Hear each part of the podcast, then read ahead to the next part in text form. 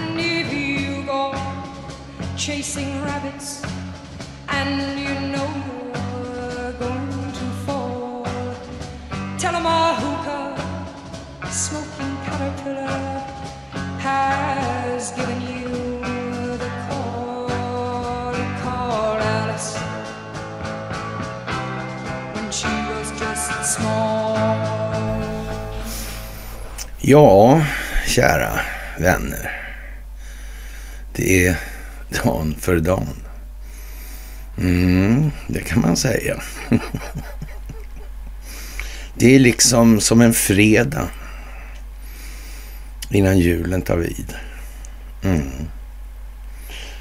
Stockholmsbyråkratin. Ja, sjunger på sin svanesång. Den Stockholmsbyråkrati som har ett administrativt system, en grund långt tillbaka i historien. En historia som inte riktigt har berättats för befolkningarna på planeten jorden i en utsträckning som ja, har full bäring på verksamhet eller på verkligheten. Det är ju ja, det är mycket speciellt alltså. Mm. Fantastiska tider. Fantastiska tider. Vi skriver den 23 december 2022. Och då är det dags för ett fredagsmys. Ja, alltså. Vilka grejer det händer. Helt fantastiskt. Och det verkar vara lite grann med det här valfusket i USA. Mm. Det verkar vara lite med det. Va? Det verkar vara lite med Ukraina. Mm. Konstigt. Det verkar gå ihop. Det verkar konvergera. Mm. Vi har en hel del att prata om idag faktiskt. Det har vi. Men först, som alltid. Ni ska ha det största av tack för det ni gör i det här. Ni ska ha det allra största av tack för gåvor på Swish och Patreon. Ni ska ha det allra största av tack för eh, att ni fördjupar er på karlnorberg.se och utgör den förändring som vi vill se i vår omvärld. Mm. Och ni ska ha det allra största av tack för att ni hakar på telegramtjänsten. Och som alltid, nu märker ni själva det här med underpoddarna, hur det ovillkorligt går dit hän att yvigheterna släpper, mm, konvergerar. Mm. Man får så att säga ta vad man har som Kajsa Warg sa. Mm. Så är det. Det blir liksom uppsamling. Mm. Det är alldeles fantastiskt här att få göra det här tillsammans med er. Vilken tid vi står inför. Mm. Vilka omvälvningar. Mm. Vilka nyheter som kommer. Mm. De har inget val, de är tvungna. Mm. Och ändå så är det de som varit med och gjutit det här falska solidaritetens altare. Mm. Ja, och nu hackar de i det. Ja, river det själva. ja. Reflexiv kontroll är nog eh, Ja, det är alldeles fantastiskt alltså. Vi börjar lite med valfusket där och så tar vi den här Michael Curry. Han är engagerad i det här med Ericsson Report. Han har inte missat Sverige. Nej. Det är ju konstigt alltså. Ja. Och, och, hur länge har det här hållit på? Ja, vi har ju varit i kontakt med honom väldigt länge och skickar den här Free People's Movement som kommer med ett nytt avsnitt här endera dagen eller endera timmen kanske vi kan till och med dra det till. Mm. Ja, det här med kalla kriget. Hade det kalla kriget varit möjligt ens ens. Med mindre än att man hade koll på båda sidorna. Finns det några krig under 1900-talet som där man inte har kontroll på, eller kontrollerat båda sidorna? Nej, det gör ju inte det. Men kalla kriget skulle vara ett sånt krig då alltså. Mm. Man var miss, visserligen med och initierade, instigerade, planerade, finansierade mm. ryska revolutionen. Man gjorde några försök innan också. Mm. Ja, Fed 13 också där. Ja, precis, krigsobligationer kanske. Ja, jag vet inte. Ja, det är speciellt alltså. Mm. Det kommer fram nu. Det är bara så. Vi kan faktiskt se lite så här kul i eh, alternativmedia. Vi såg ju några sådana här gamla, någon gammal beundrare där som väldigt frimicklar entusiastisk. Ja. Han fick ställa upp i Sweb-TV och tala om att ryssarna byggde vapen och gamla kylskåp. Ja. Mm. Svenska Dagbladet har en artikel idag också som handlar om där hur det möjligt att Vladimir Putin och Kreml kan kriga så där när vi har gjort så mycket sanktioner och såna här grejer. Ja, det kan man fråga sig. Mm. Som sagt, det, Deripaska, vad han haft för roll egentligen? Ända sedan början. Verkar ha varit i oh, säck innan det kom i påse. Oh. Ungefär som den där säcken mellan produktionsledet och konsumtionsledet när det gäller energin. Mm.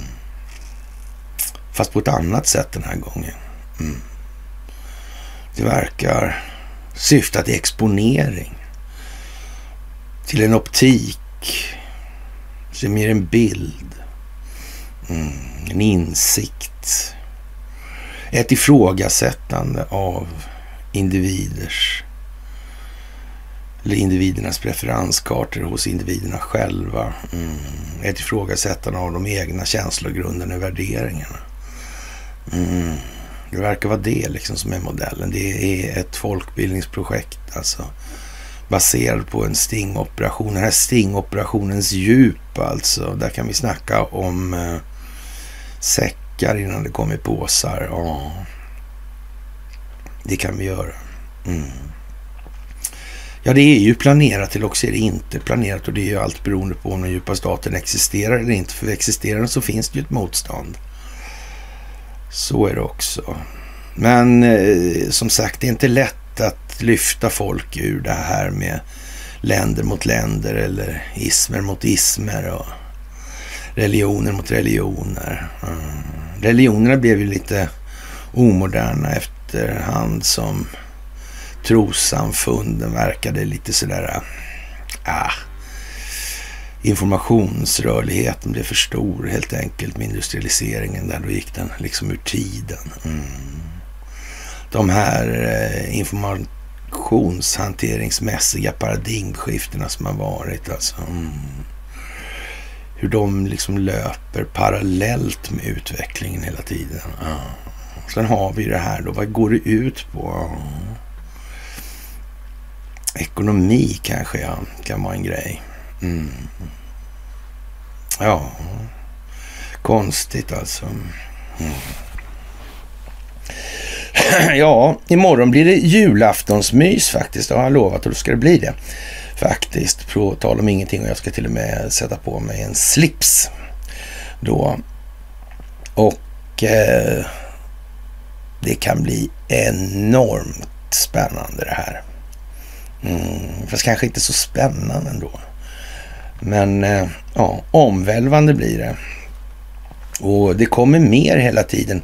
Hela, hela tiden alltså. Och eh, ja, eh, Meta betalar nära 8 miljarder kronor i en förlikning här. Det är en grupptalan då mot Meta. Mm, för de har sålt data. Mm. Och sen kommer det ju fram nu då att man har haft möten veckovis då med det amerikanska underrättelsetjänstkollektivet. Mm. som har gått ut på att påverka val. Mm. Det har väl aldrig skett något sånt i Sverige? Va? Det har det nog aldrig gjort. Det är konstigt att aldrig... Men som sagt, vi är ju en demokrati och har en upplyst och medveten befolkning och inga enskilda vinstmaximeringsintressen som styr den politiska agendan för att gynna sig själva främst. Allt färre blir allt rikare på allt fler människors bekostnad. Jag tror att det har faktiskt sagts härifrån. Uh, vid något tillfälle i alla fall. Ja, en trist historia det där. Mm. Man undrar ju lite hur det ska gå. En sak är säker i alla fall att eh, Mata Hari i form av Linda Staff, ja, där kommer en FRA-chef nu in i polisiära verksamheten här. Mm. Det är väl inget sådär jättegott betyg till polisen kanske. Mm. De verkar ha lite problem överlag där med tjänst, inte minst tjänstetillsättningar, men det kan vara en hel del annat som, ja, om vi säger som så, kanske inte eh, fungerar så där eh, helt smärtfritt kanske. Är det inte så? Jag tror folk börjar förstå det här, det här nu. Sådär och den här nya Lottan då som ska eh, träda in i det här, det, hon har ju ingenting med polisiär verksamhet att göra, men det verkar ju på något vis som att någonstans så att säga kommer hon ifrån. Hon kom från FRA då, de har chef för kontoret för kontraterrorism alltså. Mm. Oh. Hon har varit på MUST innan. Mm. Vad ska vi med de där till egentligen? Det verkar ju som att CIA och FBI, de har ju inte gjort någonting annat än en massa skit alltså egentligen. Mm. För att underblåsa konflikter och såna grejer. Så skulle det väl aldrig kunna gå till i Sverige. Nej, För de är inte så beroende av telekominfrastrukturerna i andra länder. Nej. Mm. Vilka system det är som har gjort allt det här möjligt egentligen. Mm. Den där Michael Corey där, han är rätt insatt i det där. Mm. Det är genom vår försorg. Kan vi lugnt säga. Mm. Kan vi lugnt säga. Men vi har valt att köra det här på hemmaplan av den enkla anledningen att vi inte ska se ut som jävla åsnor. Den dagen det så att säga krävs att vi står upp och säger det här har vi gjort. Så här mycket har vi arbetat med det här och det går inte av för hacker. Det går inte att missta sig på helt enkelt. Nej. Vi har gjort och vi har gjort så gott vi har kunnat och det kommer att bli bra. Det kommer att räcka hur lätt som helst. Helt enkelt. Men det verkar i alla fall som det blandas lite grann mellan de där olika institutionerna där med Försvarsmakten till exempel. Relativt då den polisiära verksamheten. Mm. Det verkar som att polis och militär på något vis har politiserats. Mm. Ja, det finns ju inte så att säga, bataljonsvis med militära chefer som har uttryckt sig i termer av att det är den djupa staten som är problemet. Nej, det är ungefär lika många som inom den polisiära verksamheten skulle jag vilja påstå. Tämligen fåtaliga av någon anledning. Mm. Har de ställt sig på sidan som utgörs av befolkningen då? Eller står de någon annanstans tro? Vilken jul! Vilken jul alltså! Det är ju lite speciellt, det är ju så. Och ja, fantastiskt skulle jag säga. Och som sagt, jag kan börja idag också med att tillönska er alla en riktigt god jul också, för det är ni värda nu. Och, och många kommer ju att tycka att mm, jag kan tänka mig att en julmiddag imorgon på fler ställen än ett kommer att, eh, så att säga, det är svårt för människor nu att så att säga inte adressera de här problemen som vi alla ser framför oss. Mm. Ja, det där med och, kylskåpen och de har jättemycket artilleri och det verkar ju som att han höll något tal häromdagen, Vladimir Putin. Konstigt, konstigt. Mm. Och det... Ja. Det verkar lite grann som, rätt, som att rätt många faktiskt skjuter ut sig nu ur det här. Mm. Det gör det ju faktiskt. Det gör ju faktiskt det. Mm. Och som sagt, det är sedan gammalt tillbaka. Det här har hållit på väldigt, väldigt länge faktiskt. Ja, det är ju som det är så här i jultider. Och ni är alldeles, alldeles jättefantastiska tycker jag. Och jag är så glad och nöjd för att vi gör det vi gör och vi har kommit dit vi har kommit. Mm. Det blir vår julklapp till den svenska befolkningen. Mm. Fantastiskt, fantastiskt.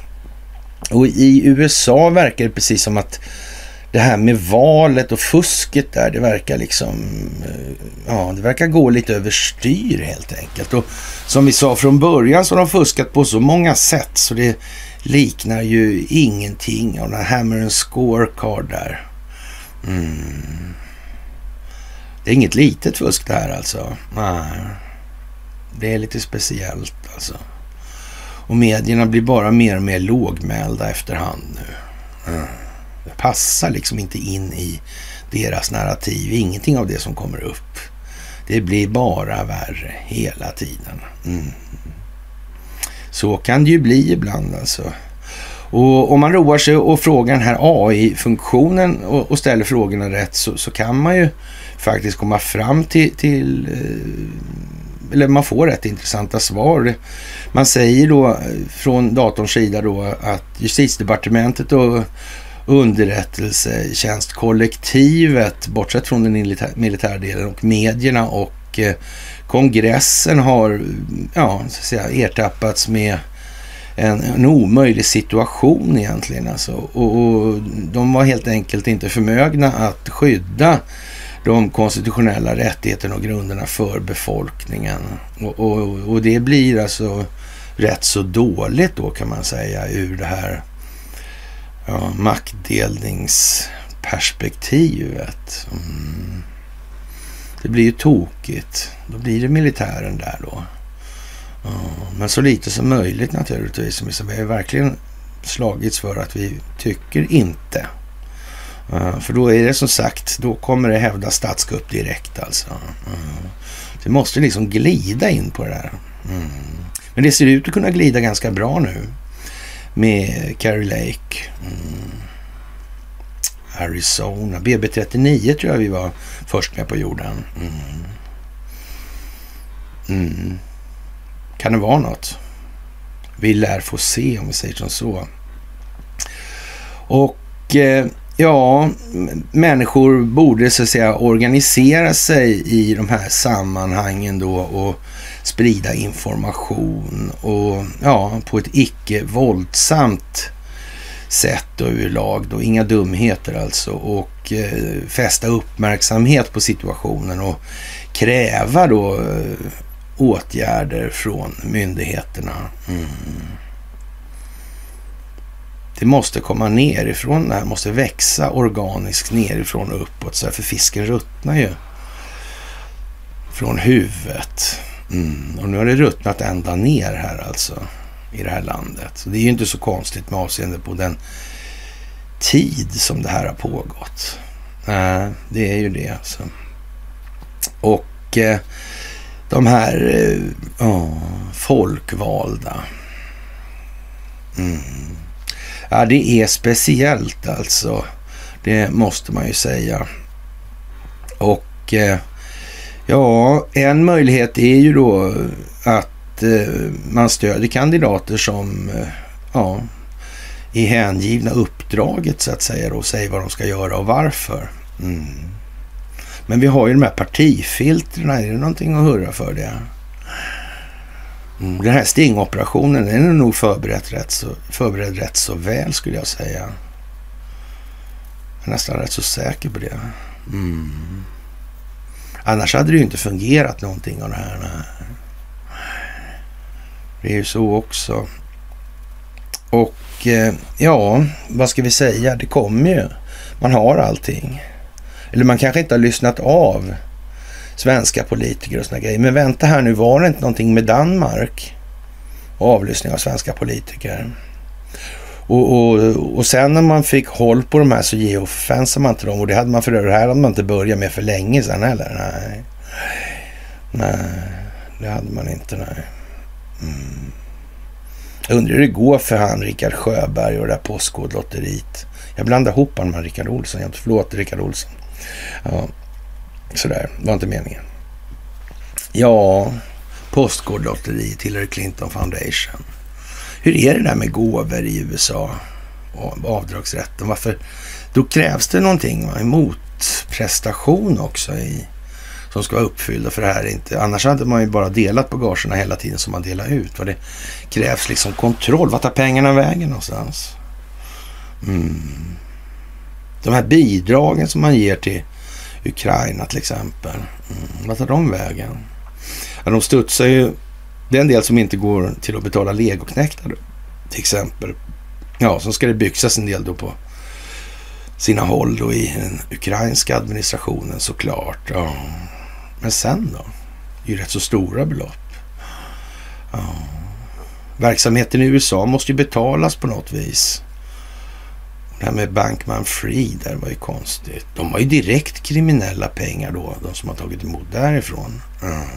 Det kanske inte är så bra. Jag tror att det är, är någon form av brottslighet det också. Som skattemyndigheten faktiskt kan tänkas komma att intressera sig för. Mm. Ja, penningvask, det är också förstås. Ja. Vojne, Vojne, Vojne. Så tokigt alltså.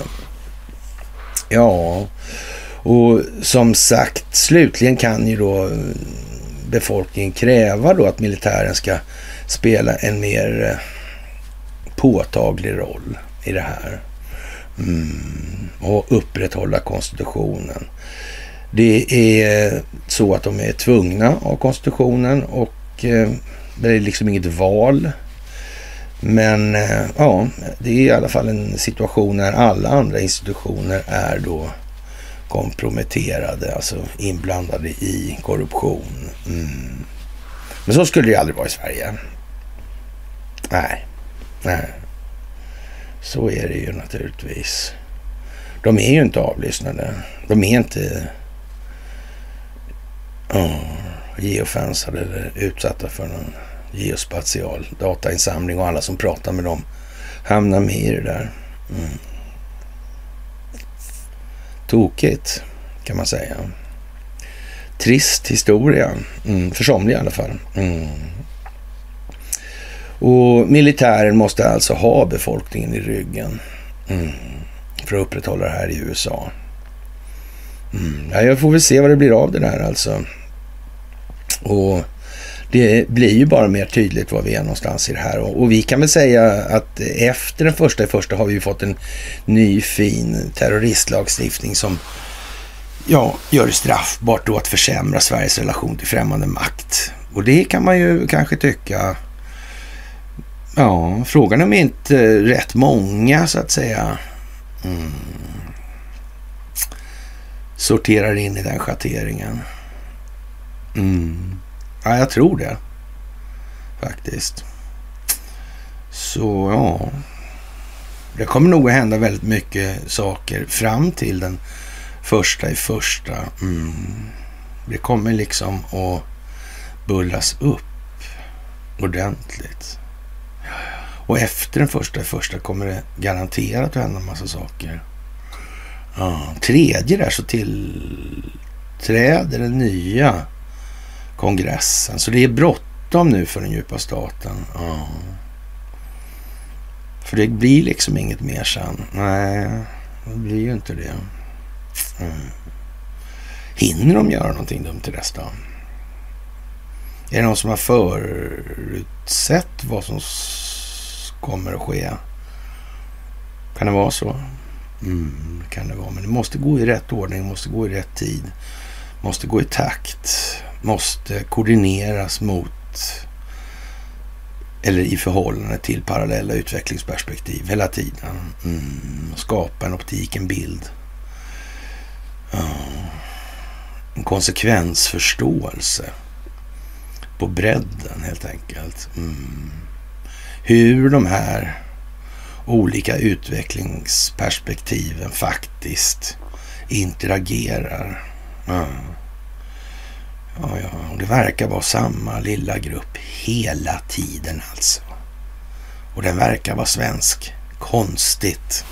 Ja, och en av de grejerna som man, man försöker ofta med då är det här, ja det är så eländigt med Ryssland och alltid så dåligt och så vidare. Och, som så hade det ens varit möjligt att bekämpa den djupa staten då utan att så att säga hålla masken under lång tid så att säga för att verkligen få eh, håll på vad det rör sig om för djup och bredd på den här korruptionen. Nej, det hade det inte varit. Så när man i Svenska Dagbladet eh, tar in sånt här under Rysslands invasion av Ukraina att rysk överste syndabock uppges ha tagit sitt liv. Ja, det kan man ju tänka sig. Alltså. Man, man får ju nästan intrycket av att det eh, möjligen kan vara så att eh, ja, han dukar under för kraven i den icke-fungerande krigsapparaten, tycker, berättar frun Julia då. Mm. I en lång tråd på Twitter. Mm. De där eh, legoknäktarna där nere. Mm. Speciellt alltså. Samla ihop alla jordens legoknäktar på en och samma lilla yta. Mm. De reguljära enheterna är nog inte sådär jättenötta kanske. Nej. Kanske inte det kanske, nej. Mm. Vad kan det bli av det där? Den här gode översten alltså, ja, som sagt, fick väl ett erbjudande då. Mm. Det var bättre att åka där. Men skam och vanära tog sin tribut. Mm. Det är nog många nu som kommer att välja den vägen. Och det har vi sagt skulle bli fallet hur länge som helst. Det här mörkret som kommer nu med ljuset av verkligheten alltså. Oh, det blir mycket skugga för många nu helt enkelt. Mm skuggan av sig själva, kort sagt. Och den här Bankman Fried då, ja. Han har släppts mot borgen på 250 miljoner dollar alltså. Ja. 2,6 miljarder kronor. Mm. Det är ju lustigt det där alltså. Han har fått hemarrest. Mm. Och som sagt, det där med de där pengarna. Ja. Är det riggat det här verkligen? Kan det vara så? Mm. Det här var ju ett år sedan han torskade också för det här egentligen. Han hade erkänt det där tidigt. Det är konstigt och så fick det fortgå. Ja, ja, men brottsprovokationer är ju tillåtna i USA, så det gör väl ingenting. Nej. Och hittar man internationella kopplingar Mm. Tänk om det visar sig att det finns massa underrättelsetjänstpengar där. Mm. Hans donna där har haft möten också med... Jättekonstigt alltså. Mm. Det verkar väldigt politiskt engagerat och aktivt. Tänka sig. Mm. Och i att göra, begå brott mot den amerikanska konstitutionen är det helt lyckat verkligen, jag tror. Mm. Nu har han släppt mot borgen och, och, man har noggrant då, eller noga kontrollerat att han förstår innebörden av att avvika då. Mm. Och det var inget litet belopp alltså. Ja. Ett beslut från en federal domstol i New York alltså ligger till grund för det här nu. Mm. Tänk vad märkligt alltså. Mm. Svårt det där alltså. Och eh, strikt övervakning också. Ja. Som sagt, han ska vara i sina föräldrars hus i Kalifornien i väntan på rättegången alltså. Ja, på fråga eh, om han förstod då konsekvensen av att bryta mot lagen kring borgensfrisläppande sa bankman Frid. Ja, det gör jag. Mm, till domaren. Mm. Och så ska en elektronisk fotboja. Jag tänker man är så noga med att poängtera alla de här sakerna. Det är ju konstigt alltså. Verkligen konstigt. Mm. Vad kan det vara egentligen det här så? Ja. Och två av hans kollegor, alltså Caroline Ellison och Gary Wang har erkänt sig skyldiga till brott relaterade till bedrägeri vid FTX och samarbetar nu med federala regeringen.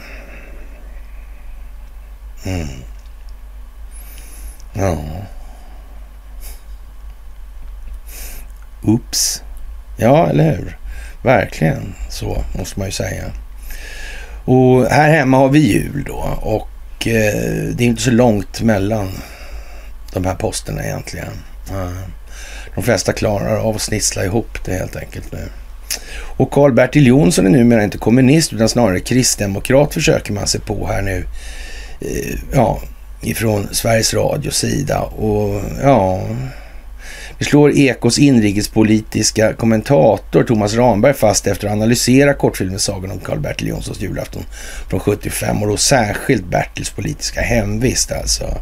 Ja, den klassiska repliken “Jag har närt en kommunist vid min barm” skulle då behöva göras om. Alltså, det här med kommunismen som sagt, ryska revolutionen, vilka som låg bakom, regissera, finansiera, mm. instigerade till och så vidare. Ja. Jag har gått igenom den där framväxten av det militärindustriella komplexet, underrättelsetjänstkollektivet och så vidare. Mm. Den här uh, Spionverkstan. Mm. Det är bra tid nu. Alltså, folk har tid att titta på sånt här. Mm. ja, det är ju så bra alltså. Det är fantastiskt. Och eh, ja, han kanske var lite kommunist, nazist, konspiratorisk då, eller så. Kanske inte, nej. Ja, och Vladimir Putin, han i de här tiderna då så anser han en massa saker och i tal då. Och eh, man kan väl säga så här, den nuvarande situationen kommer inte att hindra Ryssland från att genomföra planer för framtiden. Eh, inklusive 2023. Alltså det finns inga eh, idealiska situationer, men i allmänhet klarar Ryssland det utgående året ganska självsäkert, säger han. Ryska soldater i en speciell militär operation uppnår vad landet behöver. En speciell militär operation är en påtvingad och nödvändig åtgärd. Vi måste vara tacksamma mot de ryska soldaterna. Mm. Ryssland presterar bättre i ekonomin än många G20-länder. Det finns inga alarmerande element i den ryska ekonomin. Den ekonomiska situationen i den ryska federationen är stabil och den föll inte från himlen till landet, alltså ner över landet. Nej. Det här har man gjort någonting för att det ska bli så här. Unga människor är alltid bättre än tidigare generationer. Rysk ungdom eh, visar en hög nivå av förståelse för processerna i världen och vad som är verkliga värderingar. Sättet unga människor stödjer ja, de här soldaterna i en speciell militär operation och går som frivilliga, ja, det gör en tårögd, säger Vladimir Putin. Ja, ungdomen i Ryska federationen visar främst kärlek till fosterlandet trots närvaron av det som tyst företräder andra intressen. Mm. Ja, meddelandet till förbundsförsamlingen kommer att tillkännages i början av nästa år. Mm. Det är tydligen en del saker som måste träda på plats där alltså. Det kan ju vara till exempel den amerikanska kongressen och den svenska terroristlagstiftningen till exempel. Två saker som är högst aktuella. Mm, direkt i princip. Speciellt. Det är ju lite så. Huvudpunkterna i årets eventuella budskap har redan återspeglats i andra tal. USA har länge varit involverad i processerna i, det postsovjetiska, i den postsovjetiska rymden, inklusive i Ukraina. Väst har alltid försökt splittra den ryska världen. Oh. Det verkar på något vis som det går igen det här lite grann. Alltså. Mm. Avsaknaden av ett meddelande 2022 beror bland annat på den höga dynamiken i händelserna, vilket gjorde det svårt att fixa detaljerna. Du kan inte gå emot viljan hos de människor som anser sig vara en del av den ryska världen. Men eh, det startade ett krig mot de här människorna i Ukraina 2014. Ryssland har helt enkelt, eh, ja, så att säga dragit med näsan då med fredsavtal om Ukraina efter 2014. Tyvärr har eh, USA tyvärr uppnått resultat i sina försök att splittra ryska och ukrainska folket. Målet med Ryssland är att skydda människor som anser sig vara en del av dess folk och kultur, befolkning ska man kanske säga. Ja, Ryssland misslyckades när USA lyckades dela ryssar och ukrainare efter Sovjetunionens kollaps. Mm.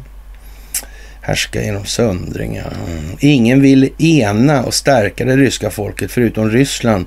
Men eh, ja, hon kommer gå emot och hon kommer klara det här. Ryssland kommer inte att arrangera militära provokationer med de senaste vapnen, men eh, ja, de förstärker ändå här nu. Patriotluftvärnet, ja. Föråldrade system värre än S-300. Det finns ett motgift mot dem. Ryska federationen utgick från det faktum att de grundläggande eller den grundläggande grundvalen för enheten mellan folken i Ryssland och Ukraina skulle vara starkare än oenighet, men det visar sig inte vara fallet. Alltså. Leverans av patriotluftvärnssystemet i Kiev kommer bara att förlänga konflikten i Ukraina. Ja kan man kanske säga. Men ja, eller inte. Mm. Fregatten Admiral Gorskov kommer snart att träda i tjänst. Nya vapen har installerats på den här då, vilket kommer att stärka den ryska federationens militära makt. Ja. Ju tidigare konflikten i Ukraina tar slut, desto bättre. Ryssland strävar inte efter att snurra svänghjulet för kontroll i Ukraina, utan snarare avsluta kriget som påbörjades 2014 eh, intensifieringen av fientligheten i Ukraina leder till omotiverade förluster. Kycklingen pickar mm, för kon. För kon, ja. NATO-ländernas militära resurser är inte på gränsen till utmattning. Nej, men deras sovjetiska vapenlager håller på att ta slut. Mm. Ryssland slog ut nästan all sovjetisk militär utrustning som NATO-länderna levererat till Ukraina. Ukrainas övergång till NATO-vapen är en stor fråga. Det är inte så lätt att hantera. Utom att de inte har någon utbildning om den här grejen. Men ja, som sagt, att det här med patriotsystemet där det, ja, det är så hål i huvudet så liknar ingenting. Alltså, ja, och Ryssland kommer att agera mot patriotkomplexen som kommer till Ukraina. Det ukrainska militärindustriella komplexet återställts till noll, eller rör sig snabbt mot det i alla fall. Medan dess, dessa kapaciteter bara växer i ryska federationen. Utvecklingen av försvarsindustrin i Ryssland kommer inte att ske på bekostnad av andra industrier. Nej. Det är ju det, man har en försvarsindustri som faktiskt syftar till att stärka landets strategiska operativa förmåga. Mm. Inte främst att skapa vinst hos ett enskilt företag. Det är en jävla skillnad det alltså. Och förr eller senare kommer den skillnaden alltid att exakt, accentueras. Alltså. Ja. Det där är märkligt alltså. Ukrainas ledning har förbjudit sig själv att förhandla med ryska federationen, vilket är konstigt. Ju tidigare medvetenheten om behovet av förhandlingar kommer till Kiev, desto bättre. Varje dag är det möte med militären. personlig djup övertygelse om att Eh, soldaterna i den särskilda militära operationen alla är hjältar. Hjältarna från den särskilda militära operationen stärker nationens inre anda. Det kommer att vara ett exempel för hela samhället, den yngre generationen. Ja, han verkar liksom inte läsa eh, samma manus som de som skriver i svenska medier gör då eller håller sig till. Nej. Är inte det konstigt? Nej. Ja, men det är ju inte det. Det är ju liksom bara helt givet alltså. Och som sagt, det här med Bankman, Fried, ja. Det där är ju lite konstigt alltså.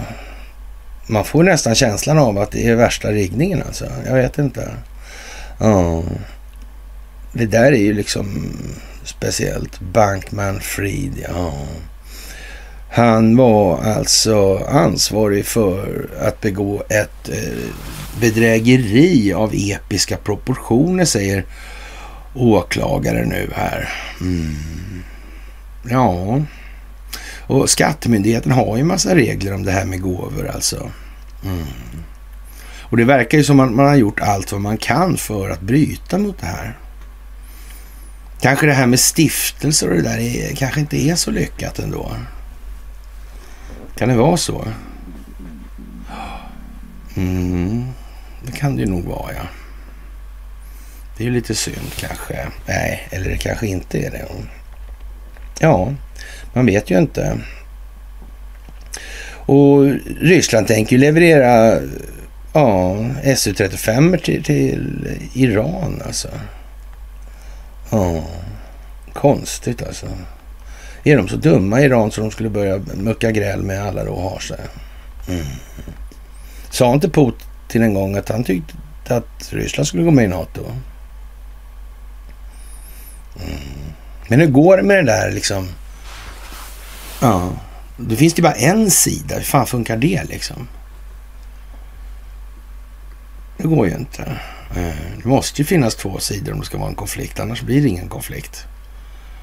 Mm. Är inte det märkligt att ingen tänker så bland våra folkvalda? Det finns alltid när det är riktig Karl-Bertil-stuk på alltihopa. Det sitter djupt. 75 var det där va? Mm. Då var det kallt krig. Ja. Kommunist. Ja. Kan det vara det vi siktar på? Jag vet inte. Jag vet inte alltså. Ja, lite gosigt faktiskt. Hur som helst blir det usel mobiltäckning i Ryssland nu när Ericsson lämnar. Nokia och Ericsson kommer snart att sluta leverera till kunder på den ryska marknaden. Tänka sig. Den där gemensamma nämnaren.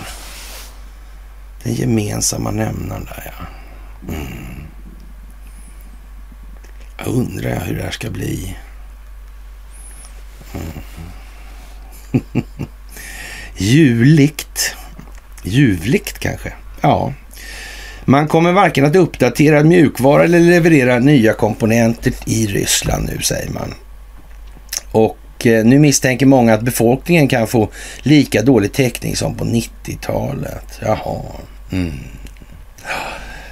Nokia och Ericsson har meddelat att de lämnar den ryska marknaden efter nyår. Det går ju snabbt det här också. Det är också en till sak så här efter nyår nu. Mm. Det verkar som man ställer upp det ordentligt nu alltså. Man ställer upp linjen. Håll linjen. Mm. Det är ju det. Det är ju det helt enkelt. Ja. Ja, och eh, ja, en långsam nätuppkoppling. Ja, fler avbrutna samtal, problem att komma fram och längre avbrott. Förändringen kommer att ske på sikt. Allt eftersom utrustning och mjukvara blir äldre. Mm. Hur går det med själva företagen då? Mm. Hur går det med materialrätten? Mm. Ja... Hur går det i Kina för Ericsson? Mm. Hur går det med de här investeringsskyddsavtalen. Det verkar liksom som att det har spelat upp, spelats upp ett trumf, alltså. Eller för ett trumf. Mm. Ja, ja, ja, ja. Vad sa du? Expro... Ja, aha. Ja, ja. Expropriation, ja. Mm. Ja, det kan ju ha något med sånt att göra också. Alltså det ska ju inte alls uteslutas. Clean internet fanns det någonting. Det var för... Ja, det var någonting... Memorandum of understanding. MOU. Ja, det var det. Ja, det var ju det. Konstigt. Det är lite speciellt får man väl säga ändå.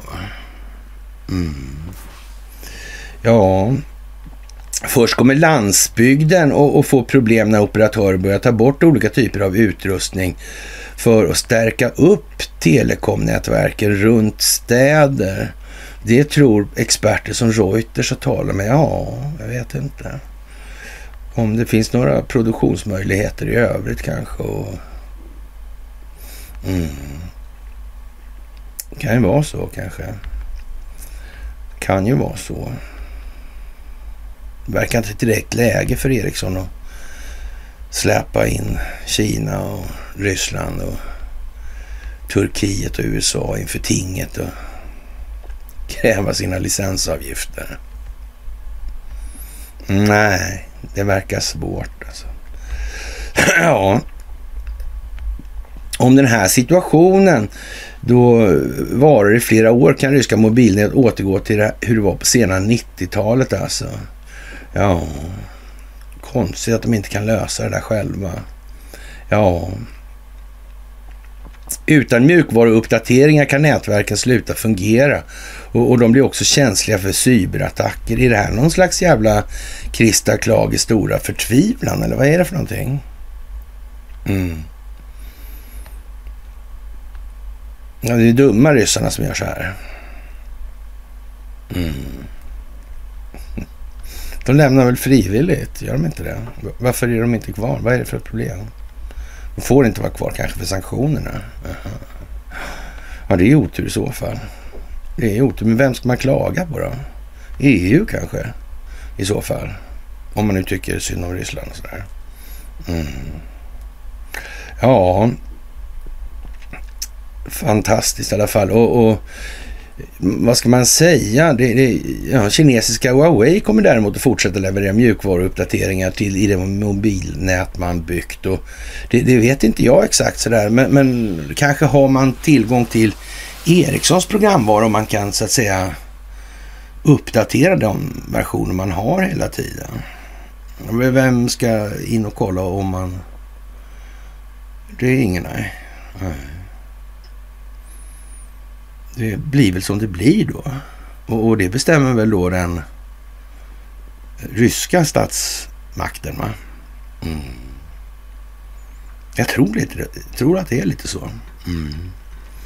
Ja, ja. Det är så att ryska tillverkare har ökat sina marknadsandelar rätt ordentligt helt enkelt. Mer än fördubblats sedan eh, 21 där och ja, men många väntar sig trots detta en ordentlig tillbakagång på kommunikationsområdet för rysk del. Mm. Det är väl inte så att man har använt det här i någon form av avlyssningssyfte på den ryska statsförvaltningen till exempel. Från Erikssons sida. Inte?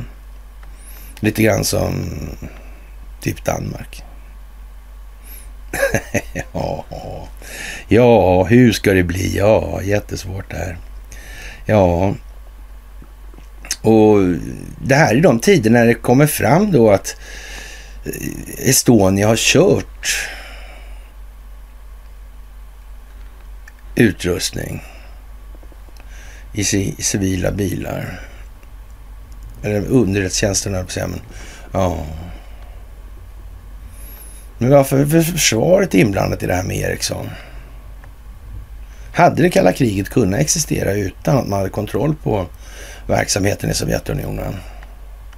Tänk om någon bara fick för sig att göra någonting sådär. Och så, och så. Det här var ju liksom ett rätt så väl utarbetat system man hade. Mm.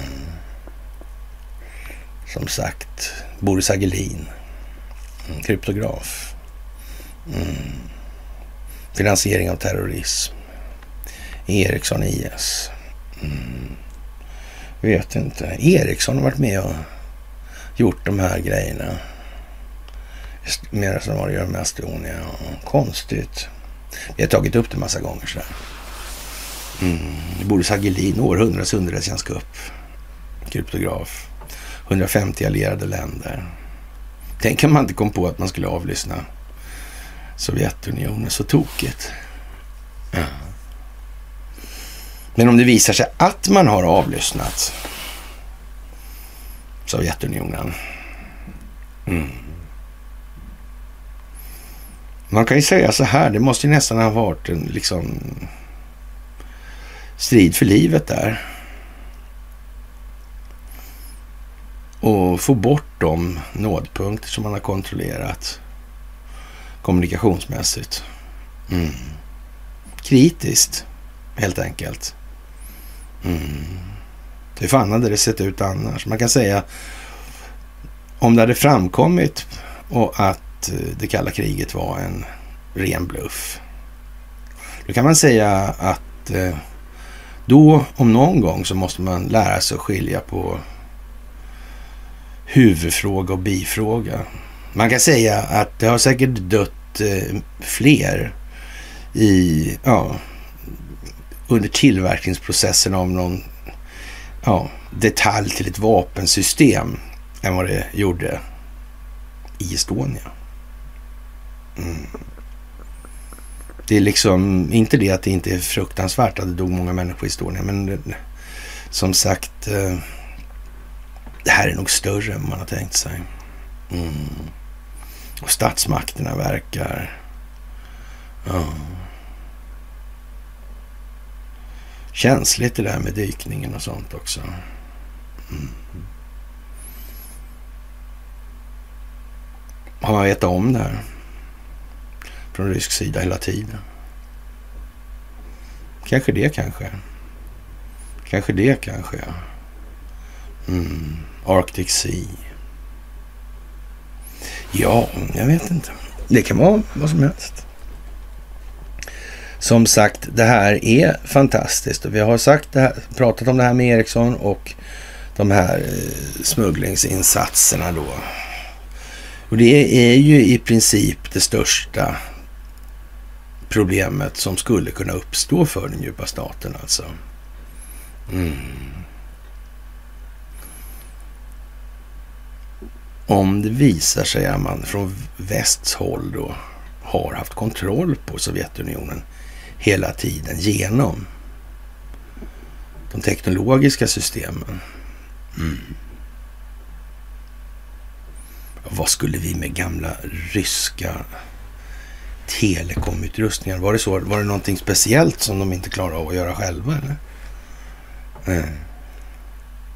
Jag vet ju inte riktigt. Precis alltså. Och inte blir det just så mycket bättre. Saab åker på ett bakslag och går miste om ett jätteprojekt med Storbritannien alltså. Det är ju för tråkigt alltså. Saab är utmanövrerat från den gemensamma utvecklingen av ett nytt framtida stridsflygplan som den svenska regeringen kom överens om med Storbritannien 2019. Vad trist helt enkelt.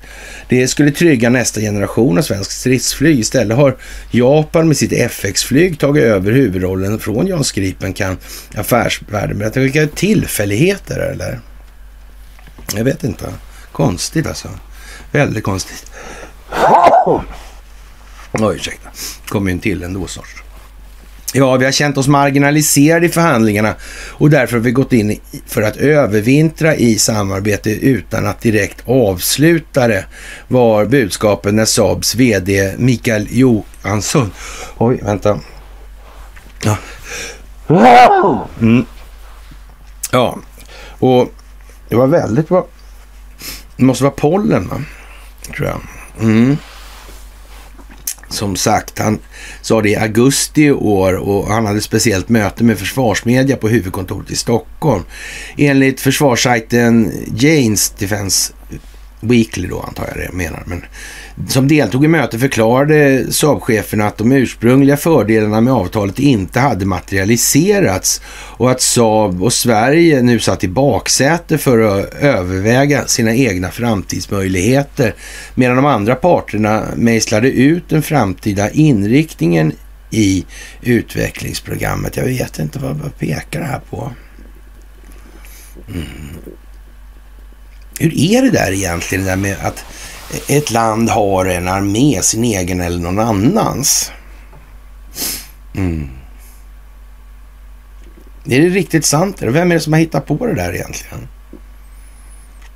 Vem är det som konstruerar fiender hela tiden och vem är det som föredrar metoden härska genom söndring? Som ja, standardförfarande helt enkelt. Mm. Är inte sådär jättesvårt det här nu faktiskt. Det är ju inte det. Jaha, och eh, som sagt det är ju rätt så dramatiskt skulle man kunna säga. Och FBI anklagar nu alltså konspirationsteoretiker för att ha, ja, så att säga hållit på med, med Twitter och såna här grejer. Och, och korrespondens mellan FBI och Twitter-personal som avslöjar hur byrån pressade plattformen att undertrycka vissa berättelser är inte bevis på fel, säger då FBI i ett uttalande på onsdagen och anklagade konspirationsteoretiker för att de presenterade sådana aktiviteter i ett skändligt ljus alltså. Ja. Skändligt ljus och allting. Ja, jag vet inte. Är det så kanske? Eller är det på något annat vis här nu? Ja, eh, det meddelande som e, Twitters vd Elon Musk överlämnat till journalister under de senaste två veckorna visar inga annat än exempel på vår tradition, långvariga och pågående federala regerings och privata engagemang, hävdar eh, FBIs uttalande då. Mm. Vad ska de säga? Vad ska en stackars flicka göra? Mm. Det är klart att det, folk ser, folk förstår. Folk vet. Mm. Vi måste lite till.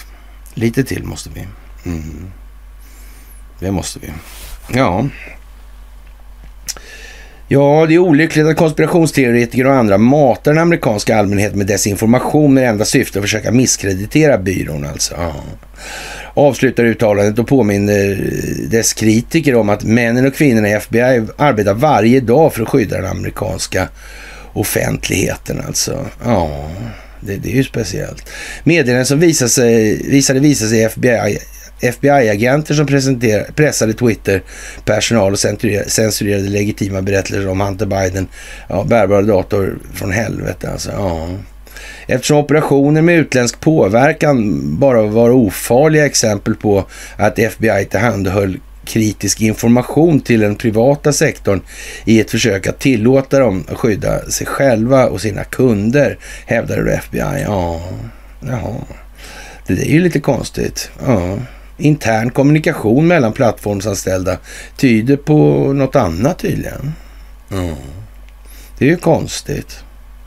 Ja, jag vet inte. Och Bankman Fri där med finansieringen i de här sammanhangen. Mm.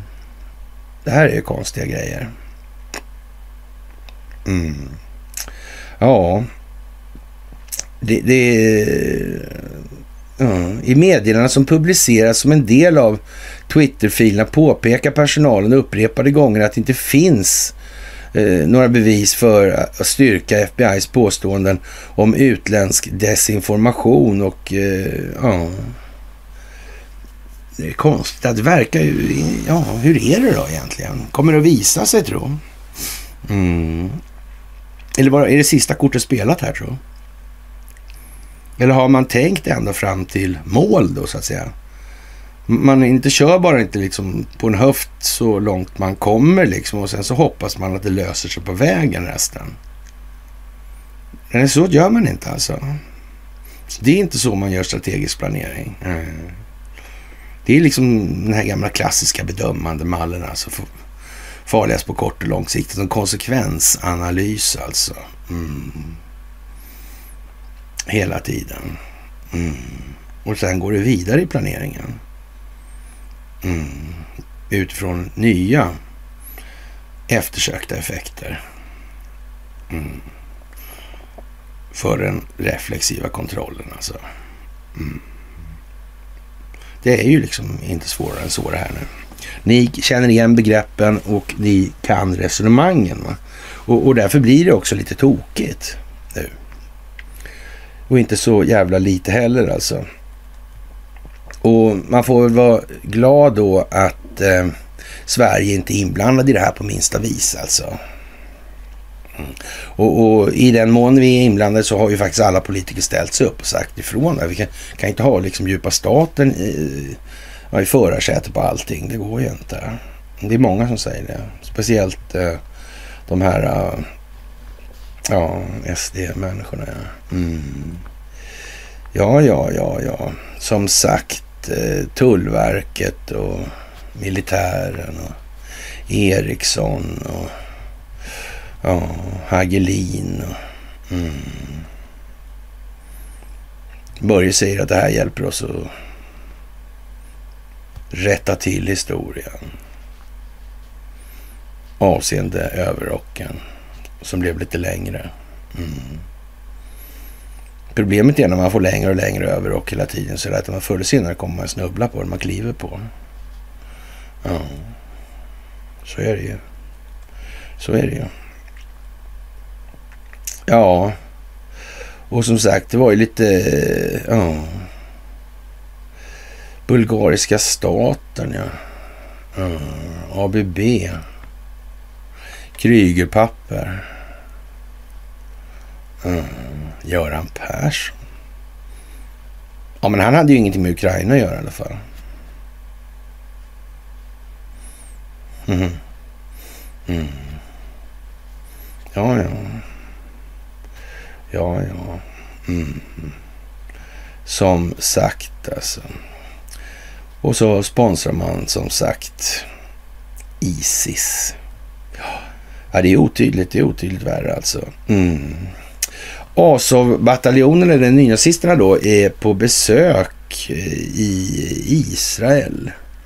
Och det är ju lite speciellt alltså. En paramilitär ukrainsk naziststyrka alltså. Mm. Ja, vad ska man egentligen säga? Mm. Judenassar kanske, jag vet inte. Kolomojski. Det där är ju speciellt alltså. Dumt så det räcker i alla fall.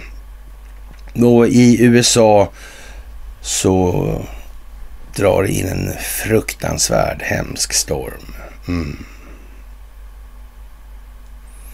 Ja. Kommer de att lyckas ställa till något? Nej, det kommer de inte göra faktiskt. Monsterstorm alltså. Ja, det är ju optik, folkbildning, bilder.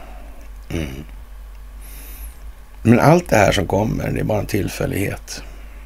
Mm. Eller en massa tillfälligheter. Som händer bara godtyckligt av sig själv. Det hänger inte ihop alltså. Mm. Nej, det gör ju inte det alltså. Och, och, ja, som sagt, det är ju som det är. Och det här med rasteorier och utgör en ras alltså. Ja. När börjar den, när slutar den? Mm. Varför? Mm. Det kan man ju fråga sig. Och det gick ju inte så bra för den här källkritikbyrån alltså. Nej, det gjorde inte det alltså. Uh. Och så överklagade Cornelia till Facebook och så fick hon svar från källkritikbyrån. Vad lustigt. Det är nästan som man tror att eh, de vill att man ska upptäcka det. Eller vill att någon skulle göra det. Ja, nästan. Mm. Och när Stensö ringde till den här... Ja, ord någonting. Mm. så var det ju så konstigt det där med Retzius, för det var ju redan 1840 här i Sverige. Mm. Så flög den där tanken över då till Tyskland och sen tog den båten hit då kanske. Långt, långt, långt, långt senare. Mm. Ja, ja, ja, det kan ju ha varit så eller så behöver det inte ha varit så. Nej, precis. Ja. Det är ju lite eljest nu får man nog fan säga alltså. Och ja, man eh, kan konstatera då att i USA så är det ju spänt så det bara räcker nu alltså. Mm. Här i Sverige är det ju liksom lite vilset, stukat. Mm. Folk vet inte. Ja, de är oroliga. Mm.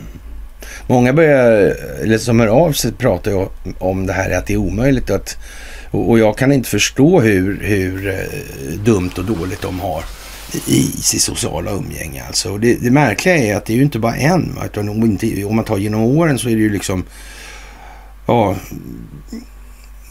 det, det är ju liksom många människor, alltså garanterat tusen pers i alla fall, som har eh, utgjutit sig över det här, deras omöjliga psykosociala situation. Alltså, ja, det här eh, jordmånen alltså. Det ska fan kratta på Hälleberget liksom. Mm.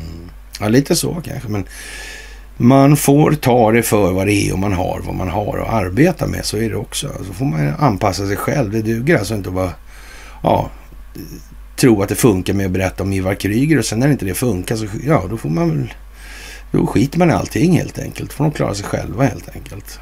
Mm. Nej, så funkar det inte. Det gör ju inte det, utan då får man ta så att säga nya pedagogiska grepp och vinklar på det här istället. Ja. Det är faktiskt viktigt att tänka på alltså. Och som sagt, det här viktigt att lita på sin intuition. Ja, det kan man ju säga. De känslor man har, de har man ju i sig. Så att säga. Eller de känslogrunder och värderingar som man har, de har man i sig. Men det är ju någonting som måste ifrågasättas hela tiden, alltid liksom. Eller tror man att man är fullkomlig? Tror man att man är Gud alltså? Allvetande, allomfattande. Man är allt. Jag tror inte någon tror på det.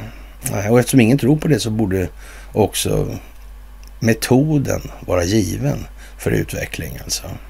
Det är ett ifrågasättande av sig själv hela tiden. Mm. Som sagt, i de här tiderna som vi lever i nu så händelseutvecklingen är så dramatisk och spännande är det ännu mer viktigt att inte falla till föga för varken sin egen mm, eller sitt egos mm, pockande på utrymme i självet. Mm. Man måste, var jag riktigt ärlig nu? Är det här verkligen, står jag upp för det här i akt och mening? Står jag upp för att jag faktiskt på allvar vill allas bästa i det jag håller på med? Mm. Det är ju det som det här kokar ner till.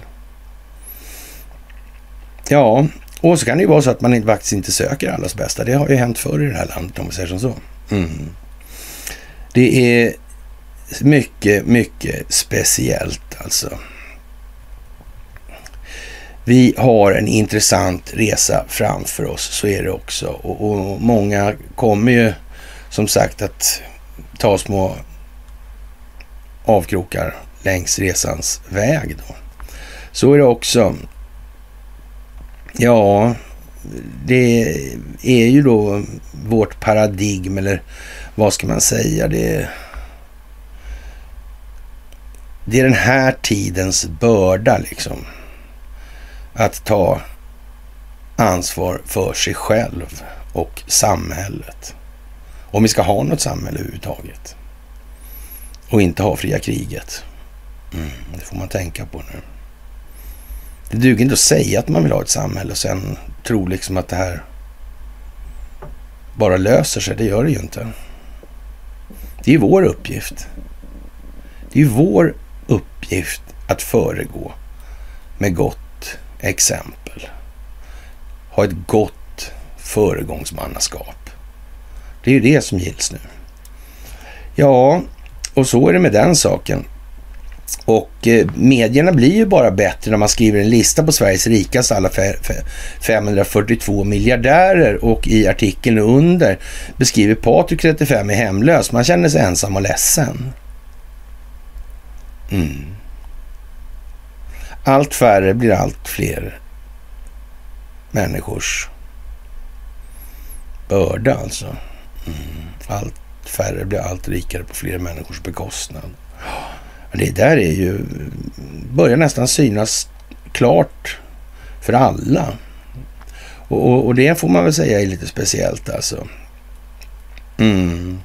Och det här med den här omnibushistorien alltså. Mm. Ja, det här är speciellt alltså. Det sitter ihop. Mm. Familjen Biden sitter ihop med den här. Mm. Hur mycket kan man utnyttja honom? Ja, det blir ju liksom ingen god politik i att kliva in och sen göra allt det här dåliga mot befolkningen. Det är ju ingen bra grej, nej. Utan det som ska bli dåligt ska helst bli dåligt under underlivsporslinets fögderi alltså. Mm. Så kan man säga. Och så att säga att kliva i och eh, sätta den sakliga grunden för hela verklighetsbeskrivningen här. Det innebär ju så att säga att då måste man ju vara så långt gången att nu ska det komma till förbättringar. Och ännu är vi ju inte riktigt där kan man inte påstå. Nej, så är det ju. Mm. Så är det ju. Och som sagt, det är många som uttrycker sig i olika sammanhang och eh, uttrycker, ja, om man ska säga som förefaller vara mest åsikter alltså, vad som är faktiskt möjligt.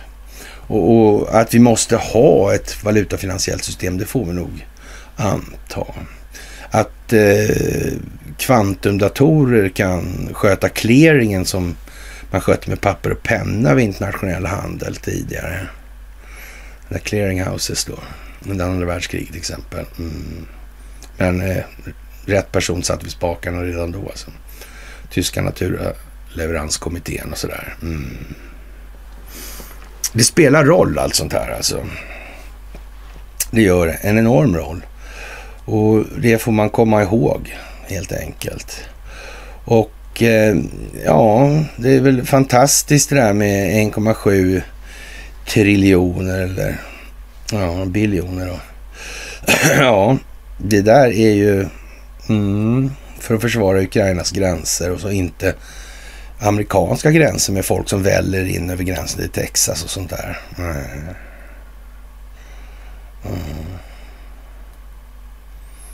Mm, New Sweden, Delaware. Ja. Mm. ja, det är som det är, kort sagt. Och Eh, ja, men eh, och Zelenskyjs släkt och familj är inte kvar i Ukraina. Nej. Kanske anar människor i Ukraina vad det här är för något. Mm. Måste befolkningen i Ukraina resa sig upp på något vis? Ja, man kan ju säga så här, det, det verkar i alla fall som att eh, ukrainska reguljära förband eh, på något vis, ja, jag vet inte när de finns de ens i den här ekvationen. Det var den här ASO-knäkteriet där alltså. Verkar inte det vara rätt många? Ja, jag vet inte. Och som sagt det här, eh, om man ska göra liksom en militär intervention nu då. Mm. Vad syftar den till då? Ja, då ljuger han väl i talet vi läste upp nyss då. Alltså det, för det lär inte vara så att man vill ha liksom kontroll på hela det där. Det, det är ju liksom... Det är ju en failed state. Ja, rena paradexemplet på det ju. Det kan man ju tycka man bör ta med sig också i det här. Mm. Och visst stöd kanske kan behövas där under en period. I alla fall ska det inte bli en massa krigsherrar som seglar runt och börjar. Det där gamla vanliga, alltså, nej, det är nog ingen bra idé. Nej. Ja, amerikanerna börjar sniffa in sig nu på Arsenalsgatan. Ja, börjar komma dit alltså. Clinton Foundation och ja, KAV och FAM och så vidare. Det är som det är. Och eh, ja, Mike Lindell avslöjar att han finansierar Carrie Lakes ja, valundersökningar alltså. Mm. Och de håller ju på nu igår, går idag de här rättegångarna. Hur blir det där då? Ens? Hur kan det här bli ens? Ja, det kan man fråga sig. Det kan man fråga sig. Och ja, det är ju inte sådär, äh, som sagt, alla sätt. Alla sätt. Och, och det visste man om då. I princip alla de här sätten då. Eller man kanske till och med visste om alla sätten. Fullt ut. Mm.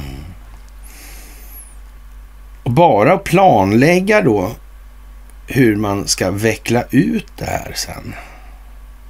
För att nå de mest effektiva, den högsta verkningsgraden på insatserna här. Ur ett opinionsbildningsperspektiv då. Ja. Det är inget litet jobb alltså. Ja,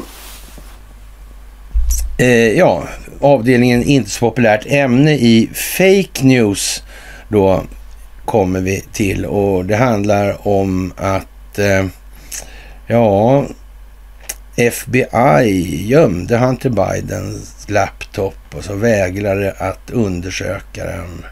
Ja, de tappar bort det alltså. Ja. Det är ju konstigt allt det här. Den där verkar, det verkar inte så bra alltså. Svenska medier har ju tack och lov eh, ja, rapporterat det här sakligt alltså hela tiden. Mm. Men de är ju andra sidan också till exempel Expressen eh, som har samma ägare som Dagens Nyheter. Alltså. Mm. De är ju strategisk partner med CNN. Mm.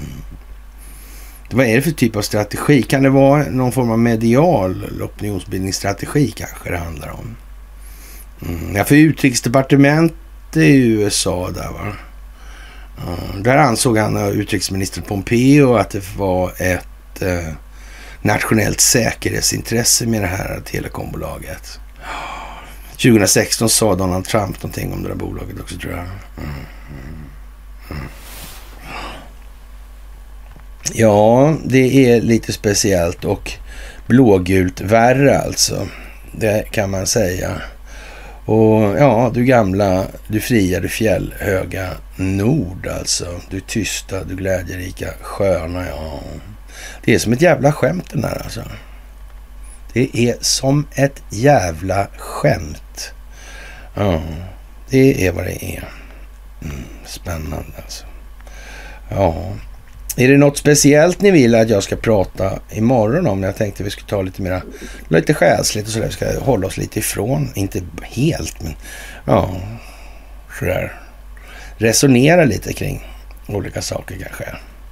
Ja, det är mycket tragiskt i alla fall att konstatera att det är så illa ställt på så många platser på jorden. Alltså man tror ju någonstans att, att ja, konstigt alltså.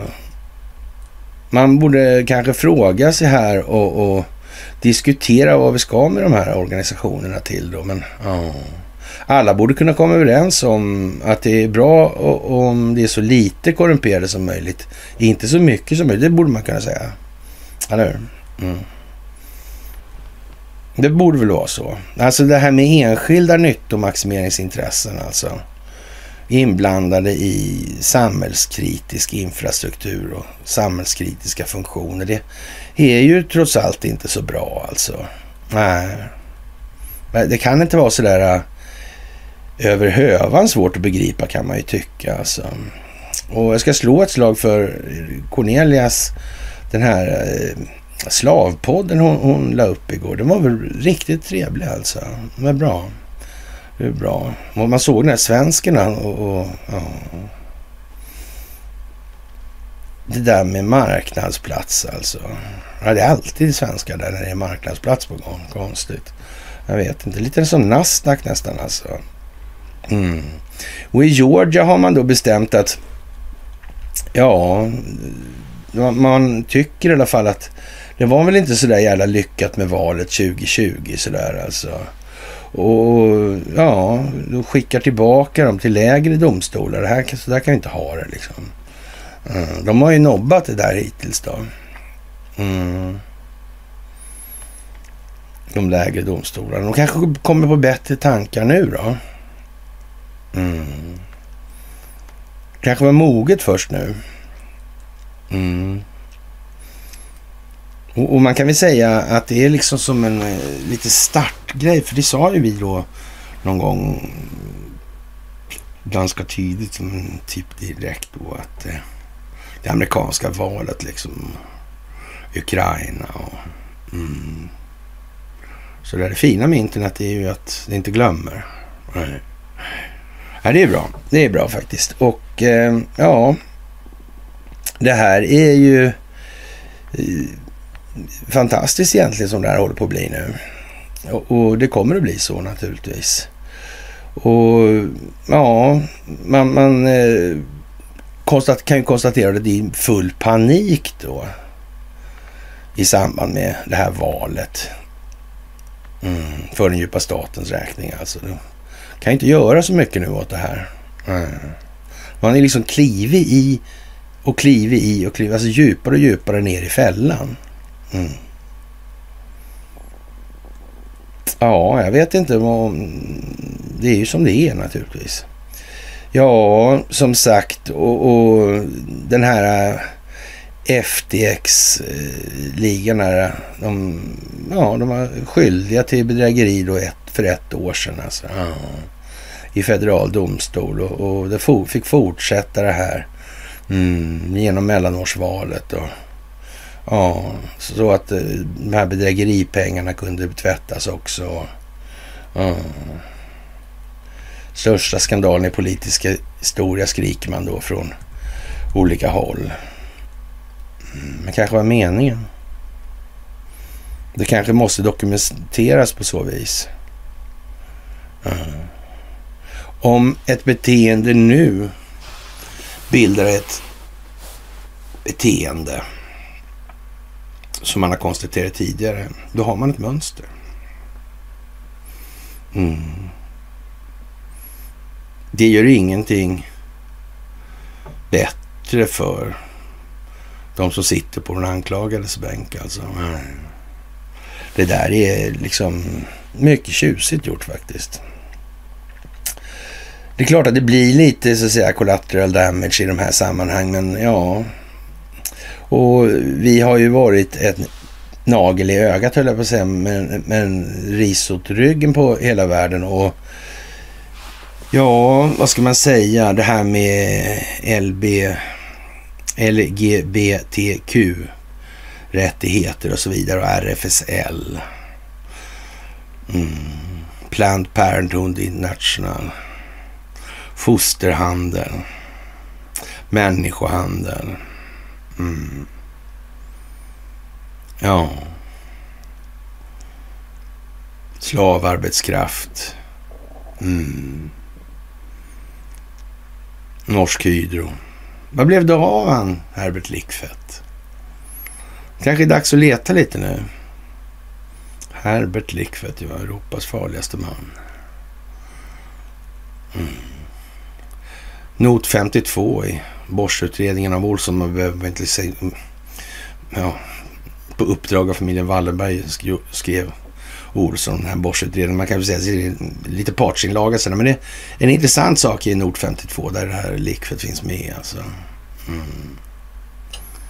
Det här är speciellt alltså. Han fanns ju med och han fanns på riktigt. Mm. Det där är ju märkligt alltså. Mm. Vilka finansierade skapandet av Norsk Hydro till exempel och så vidare. Det här är många saker som kommer så att säga hamna i ljuset av verkligheten nu. Mm. Och det är inte alls vad människor i allmänhet tror vad det är om. Alltså, de tror något helt annat. Så är det bara.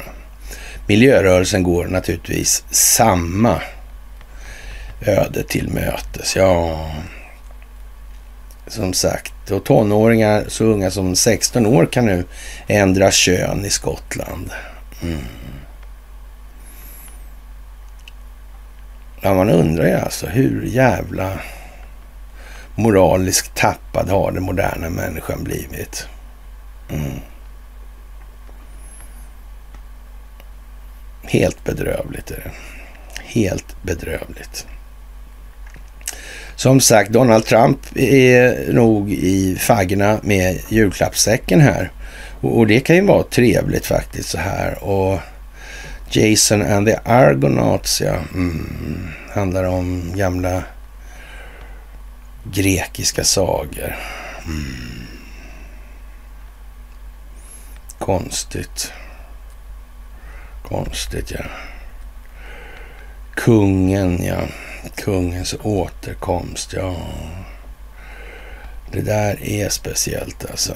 Mm. Det är Isildur och Anarion, ja. Och där blir han kung då igen då, Aragorn istället. Mm. Nu är det jul igen, ja. Mm. We caught them all, tyckte Karen Lake, Carrie Lake här. Ja, det är rätt så speciellt. I förrgår tyckte hon det. Ja, det är den här störtloppslutningen på backen här nu. Mm. Det är i princip fritt fall i många delar. Och det här med slavar och såna här grejer. Sven Wernström skrev ju en bok, en boksvit när jag var liten, eller på sig. Ja, jag läste den i alla fall när jag var liten. Och, och var runt tio år kanske. Och, och, jag tyckte det var oerhört eh, obehagligt skildrade socialpsykologiska miljöer. De här trälarna alltså. De hade det minst sagt kärvt. Mm. De hade det minst sagt kärvt, ja. Det här var ju väldigt, väldigt länge sedan alltså. Ja. Det var ju vår egen befolkning. Mm. Så att Sverige egentligen bara ville ha såna slav eller kolonigrejer för det var lite coolt att ha det sådär. Det kanske var lite mer än, än så va? Mm. Och Sven Wernström kan jag med all säkerhet död nu, eller vet inte jag, men det kan jag livligt föreställa mig att den i alla fall. Han undrar nog om vi verkligen tror att vi värderades högre än slavarna då. Som trälar alltså. Det tror inte jag att vi gjorde. Mm. I Norrland har vi ett... Ja, så är det alltså. Och det var ju på 1600-talet och det här med Wernströms, ja så att säga, trälarna var ju inte obetydligt tidigare om vi säger som så. Eh, det är fantastiskt med den här källkritikbyrån och alla de här institutionerna som Herman Lindqvist och de här som ska upprätthålla då någon form av bild av det här. Ja,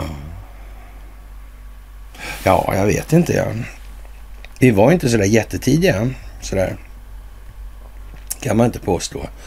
Och ja, vi hade ju då någonting som hette indelningsverk också. Inte nog med att vi hade de här jävla gäldstugorna på 1800-talet. Vi hade någonting som hette indelningsverk också. Fram till 1904. Så folk skulle veta sin plats alltså i samhället. Alltså. Mm. Det var liksom någon slags intern. rasism. Det hade med indelta soldater. Det, här hade sin grund i sin tur då i någonting som skapades 1623 i form av en säterifriordning alltså. Mm. Så är det ju. Nästan sådana som Lars Skytt av Sätra fick då ett skattefrälse då. Han kunde uppta skatt och skulle han hålla med båtmansbesättning och soldatrot och sådana grejer. Och det här skulle ställas upp till mönstring då nere på Årsta ängar vid Årsta slott och sen som båtbesättningar och annat. Man seglade ju inte in dit där då, utan man låg ute i Älvsnabbsbassängen innan man skulle ut på Örlog då, Örlog. Ja, som sagt och eh, Danmarks radios Rysslandskorrespondent Matilda Kimer har fråntagits pressackrediteringen i Ukraina och får inte längre arbeta i landet. Men det var väl tjaskigt gjort va? Eller sjaskigt kanske? Jag vet inte. Vad beror det på? Är det inte öppet och, och ja, sådana där saker? Fritt? Mm. Ja, jag vet inte alltså. Regeringen ska kartlägga undantag från amortering. Här Niklas Wykman, ja. Ja, ja. Som sagt, det är vad det är alltså. Och, och den här, det här systemet är vad det är och skuldmättaren är vad det är också.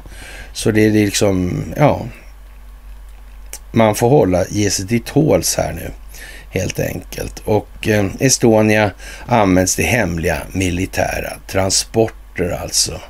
Och, och ja, det kommer de på nu alltså. Mm. Men det är inte koordinerat på så vis att det ska komma samtidigt som en rad andra saker. Parallella perspektiv, alltså i sekvenserna. Mm. Det är inte så. Det är inte Ericsson är inte i ropet nu alltså. Alls. Nej. Och det kommer inte bli mer i ropet heller. Och, och de här övriga, så att säga, komponenterna i det här företagskonglomeratet som Investor utgör. Mm. Det är liksom ingenting som man bryr sig om nu alls. Sen råkar det vara samma gubbar hela tiden, men det spelar ingen roll. Man har glömt allt sånt där när man gjorde den här planeringen. Ja, jag vet inte. Ja, man får väl anta att de vet vad de håller på med då, kanske. Vad ska vi säga här då? De flesta tittar på nyheter och så tycks många bara ha blint accepterat allt som har sagts rakt av. Då. Och en lista på frågor, då 17 stycken då, om man ska vara kuisk då, så kan man ju... Vem tjänar Vem tror du tjänar på att du tror på nyheterna då? Eh, vad säger de egentligen? Vilka ord används och vad säger de inte? Har de ljugit och undanhållit information förr? I så fall skulle de inte kunna ha satt det här i system. Rapporteras nyheter eller skapas de? Vilka äger bolaget stiftelsen som rapporterar? Har de här människorna kopplingar till privata företag? Förekommer nepotism, alltså kameraderi och sådana grejer? Eh, eh, eller korruption rent utav i de här sammanhangen? Jag vet inte, det verkar ju som att man skulle kunna misstänka att Ericsson beskriver, eller så här, har haft någon form av ja, så här, korruptionsanstrykning någon enstaka gång sådär. Mm. Men det går ju liksom inte in riktigt i pallet på, på den svenska befolkningen. Så, där. så då får det bli ty mer tydligt alltså. Och eh, det, det är ju, är, de här medierna då, är, är det deras uppgift då att upplysa befolkningen och sprida sanning? Kan nyheter möjligtvis handla om att kontrollera människors tankar och därmed känslor och beteenden? Och så vidare. Och, och det här är ju frågor som ni som följer den här kanalen och olika Facebook-sidor och så här i de här sammanhangen. Ni vet ju det här. Ni vet det här. Och då gäller det ju liksom att ta fasta på de här anslagen som vi får nu med hjälp av då MSM-medierna. För de måste göra så, de har inget val. Eller så kan de gå, bara gå hem från jobbet rakt av. Mm. Det är ju så. Det är ju så. Och eh, ja, vad ska vi säga? Försvarsmakten medger alltså att man har använt Estonia till ytterligare hemliga militära transporter. Alltså. Ja, det där är ju liksom lite speciellt alltså. Ja. Det, det är som en del av ett biståndsprogram att stödja de baltiska staterna alltså. Jaha. Ja, ja. Mm.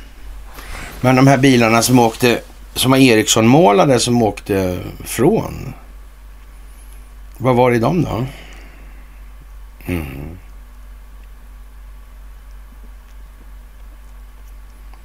Mm, vad var det idag? Men de uh, grejer som vi, eller vi, men som kördes dit då. Mm.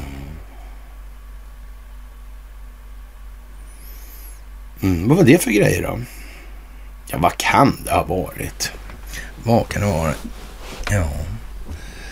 Det kanske var någon form av utrustning som kunde användas i det moderna kriget. Någonting som hade med telekominfrastruktur att göra. Mm. Det gäller ju att komma på plats med det ganska tidigt tror jag om man ska etablera kontroll över resten av de här systemen. Så det var ju 94 det här 28 september. Mm. Och då gällde det ju att få lite fart på det här helt enkelt. Då måste man så att säga in på nådpunkter i det här. Mm. Ja, vad konstigt alltså. Konstigt. Ja. Det där är ju... Ja. Man, man får ju nästan liksom eh, känsla av att det... Ja. Det där är konstigt alltså. Mm.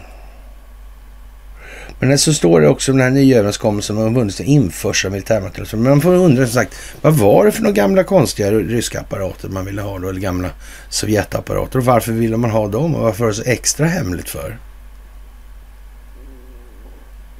Mm. Bara det liksom, att vara och hämta dem, det säger ju någonting alltså. Eh, man hade inte kommit över dem tidigare. För det var inte så korrumperat i det där systemet. Och det var inte därför det kollapsade heller. Eh, och nu skulle man exploatera det här big time alltså. Mm. Det gick inte så bra va? Nej, nej, det gick ju inte det. Utan det var ju någon som tillsatte någon annan där va? Tror jag. Någon Jeltsin där som... Mm, eller Jeltsin. Mm. Vladimir Putin ja. Mm. Konstigt alltså. Bilar med krigsmateriel, ja. Mm. Det där är ju mm, just nu också. Svenska försvarsmakten organiserar transporterna sannolikt i samarbete med någon eller några inom Ericsson-koncernen. Tullen hade lovat militären att inte kontrollera bilarnas last. Ja. Något som Tullverket senare bekräftade. Ja. Konstigt. Eller kanske inte så konstigt. Nej, helt enkelt. Och ja, undrar om Ericsson har någonting och Saab med någonting att göra när det gäller det här med Lockerby. Till exempel. För den kommer ju upp också nu. Alltså Bernt Karlsson. Mm. FNs vice generalsekreterare. En av fem som sa han sig vara i alla fall, som visste vem som, vilka som mördade Olof Palme. Mm. Konstigt. Mm. Anna Lind. Mm. Det kan ju ha pågått en stund i det här landet också. Motverka mot staten. Men de måste vara oerhört försiktiga alltså. Oj, oj, oj, oj, oj, oj, oj. Mm. Ja, det är inte så lätt faktiskt. Som sagt, Olof Palme och Bernt Karlsson och Lockerby och mm, Robot 70 och kanonaffärer och mutor och så. Fantastiskt på hela taget, det måste jag ju säga. Och det är som sagt en jättestor glädje att få göra det här tillsammans med er. Och amerikanerna och amerikanska underrättelsetjänsterna har varit insyltade i precis allting på hela jorden. Och av någon märklig anledning så har vi alltid suttit ihop med det där. Är det inte konstigt? Jättemärkligt. Verkligen konstigt är det. Så här. Och ehm, ja, vad ska vi säga då? George Soros, han eh, ja, sponsrar antipolisgrupper 21 då. Mm. Nej, speciell alltså. Den där. Mm. Faktiskt. Ja, ont krut förgås inte så lätt alltså. Och, och ja, Biden-administrationen har använt skattebetalarnas pengar för att betala utländska reportrar för att eh, promota klimatalarmism alltså. Mm. Jaha. Anders Lindberg. Ja, han hade ju EU-åsar där också. Jag vet inte. Konstigt alltså. Ja, och FBI och Twitter samarbetar för och få Biden till president. Ja, ja det är ju väldigt konstigt. Märkligt att det blev så. Mm. Det är ju konstigt. Och ja, som sagt, eh, vad ska man säga? En bidragsdrottning säger man då alltså i Expressen om Zelensky. Verkar inte gå lika bra längre. Det gör det inte. Det gör inte det. Mm. Det är väldigt allvarligt alla de här sakerna just nu och, och, och därför så kan man ju tycka att det ska bli skönt med jul och sådär. Ja. Zelensky vädjar vidare om stridsvagnar och stridsflyg och åberopar ja, FDR och Franklin Delano Roosevelts Absolut Victory inför en entusiastisk kongress i USA. Ja. Ja, man kan inte säga så mycket egentligen som inte redan är sagt. Och det här med att lägga sig i andra länders inre angelägenheter och fransk inblandning i Irans inre angelägenheter. Ja, hur var det här egentligen ABB där? Mm. Hur var det med Ericsson? Ingenting. Nej, nej jag vet inte. Det bara blir så ibland alltså. Och som sagt, Zelensky tackar USA för stödet och ber om mer. Och svensken börjar väl se liksom att det här med välståndet och offer på solidaritetens altare. Ja, det verkar ju så som det är med den här solidariteten. Mm, den är lite falsk kanske. Och ja, som sagt. Det är som det är. Ekonomin behöver väl inte nämna så mycket egentligen. Det är vad det är nu. Och ja, vi kan prata om det imorgon på julafton om ni vill. Ja, det kan man ju säga. Ja, och eh, det här eh, spektaklet med... Ja, varför ska Zelenskyj hålla på så där? Är det liksom vem har kommit på allt det här egentligen? Kan det vara Zelensky själv eller den sidan som tror att det här ska bli jävla fina opinionsbildningsmässiga effekter och inte bara väcka aversion? eller hur fan är det här egentligen? Vem är strategen bakom allt det här som går så in i helvete fel hela tiden? Ja, det kan man ju fråga sig. Det kan man ju verkligen fråga sig. Ja, regeringens drag nu och, och locka högkvalificerad arbetskraft alltså. Ja, man styr om eh, Migrationsverket som myndigheten nu ska främja högkvalificerad arbetskraft. Jag vet inte. Mm. Hur ska man annars kunna gå tillgodose tillväxtkravet då? Mm. Varför, vad säger SD om det här nu? Mm. Ska vi ta hit så mycket kvalificerad arbetskraft vi kan då så, ja, så finns det inga jobb till, till svenskarna. Mm. Det är, liksom, det är viktigt det där med vinstmaximeringen. Ja, någonstans måste man ju faktiskt börja tänka också i det här och, och vad är det som är liksom det ena eller andra alltså. Ja, det är som det är alltså och vad får vi säga egentligen? Att processa konsekvensanalys utgör grunden för strategisk förmåga. Så är det också. Och, och, ja, som sagt, det gäller att se sig omkring vad som har hänt. Mm. För att förstå helheten. Mm. Och det är viktigt nu alltså. Väldigt, väldigt viktigt. Och det här med eh, deepfake och, och bottar och... och mm.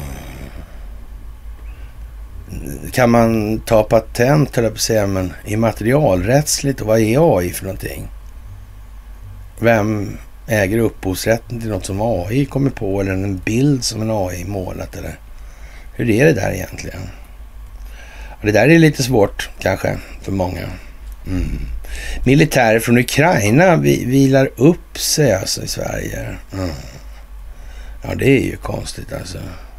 De ger inte upp, de ska bara vila upp sig här, sen åker de ner till Ukraina igen. Mm. Det är ju väldigt speciellt får man nog fan säga alltså. Ja. Det där är idéer. Ja. Det här är märkligt alltså. Mm. Agendasättande journalistik. Konstigt värre alltså. Ja. Det där får man nästan hoppas går till sig lite snart här. Ja. Två polischefer polisanmäler efter julfest i Göteborg. Mm. Ja, ja. Det finns en del att ta tag i i polisen sådär. Det är liksom inte mycket att snacka om. Ja, konstigt alltså. NATO-chefen Stoltenberg är aktuell att ta över IMF då. Ja, IMF har väl ingenting med eh, Ukraina att göra? Nej. Nej. Ja, ja. Mm. Som sagt, det kommer mycket mer längs vägen nu och fort går det. Och jag vet inte om jag liksom, fått lite stopp på det här skiten med World Economic Forum och Schwabbe med sin nassefarsa och, och hela middevitten där alltså. Men det är ju nästan lite pinsamt med folk liksom som... Ja. Det ser ut som en. Mm. Låter som en. Mm. Ja. Uppträder som en. Mm. Ja. Verkar diskret. Mycket alltså. Ja, ja. Det är som det är, kort sagt. Och Eh, ja, jag vet inte. Furvik tillsätter utredning efter aprymning naturligtvis.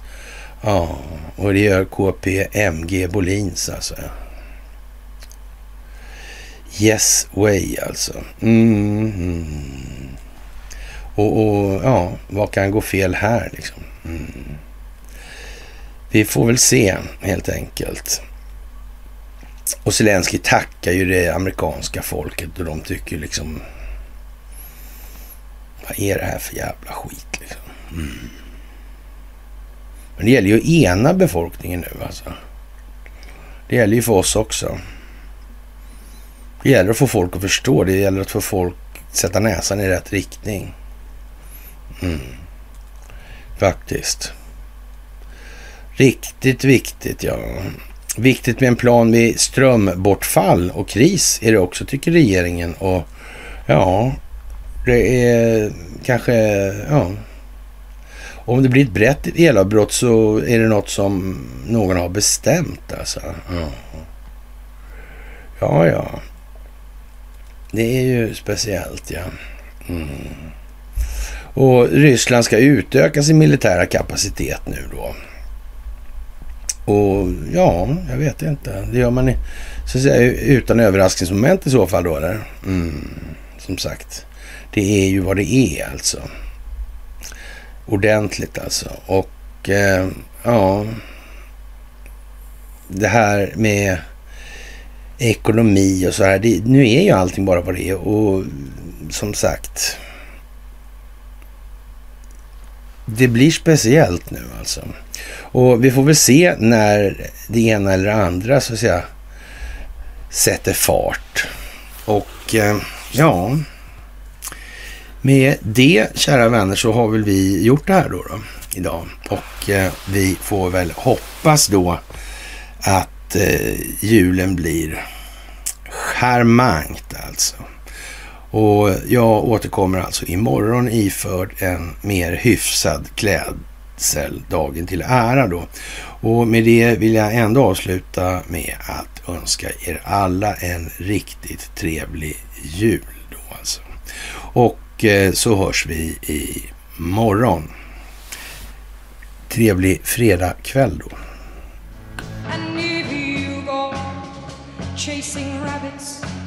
And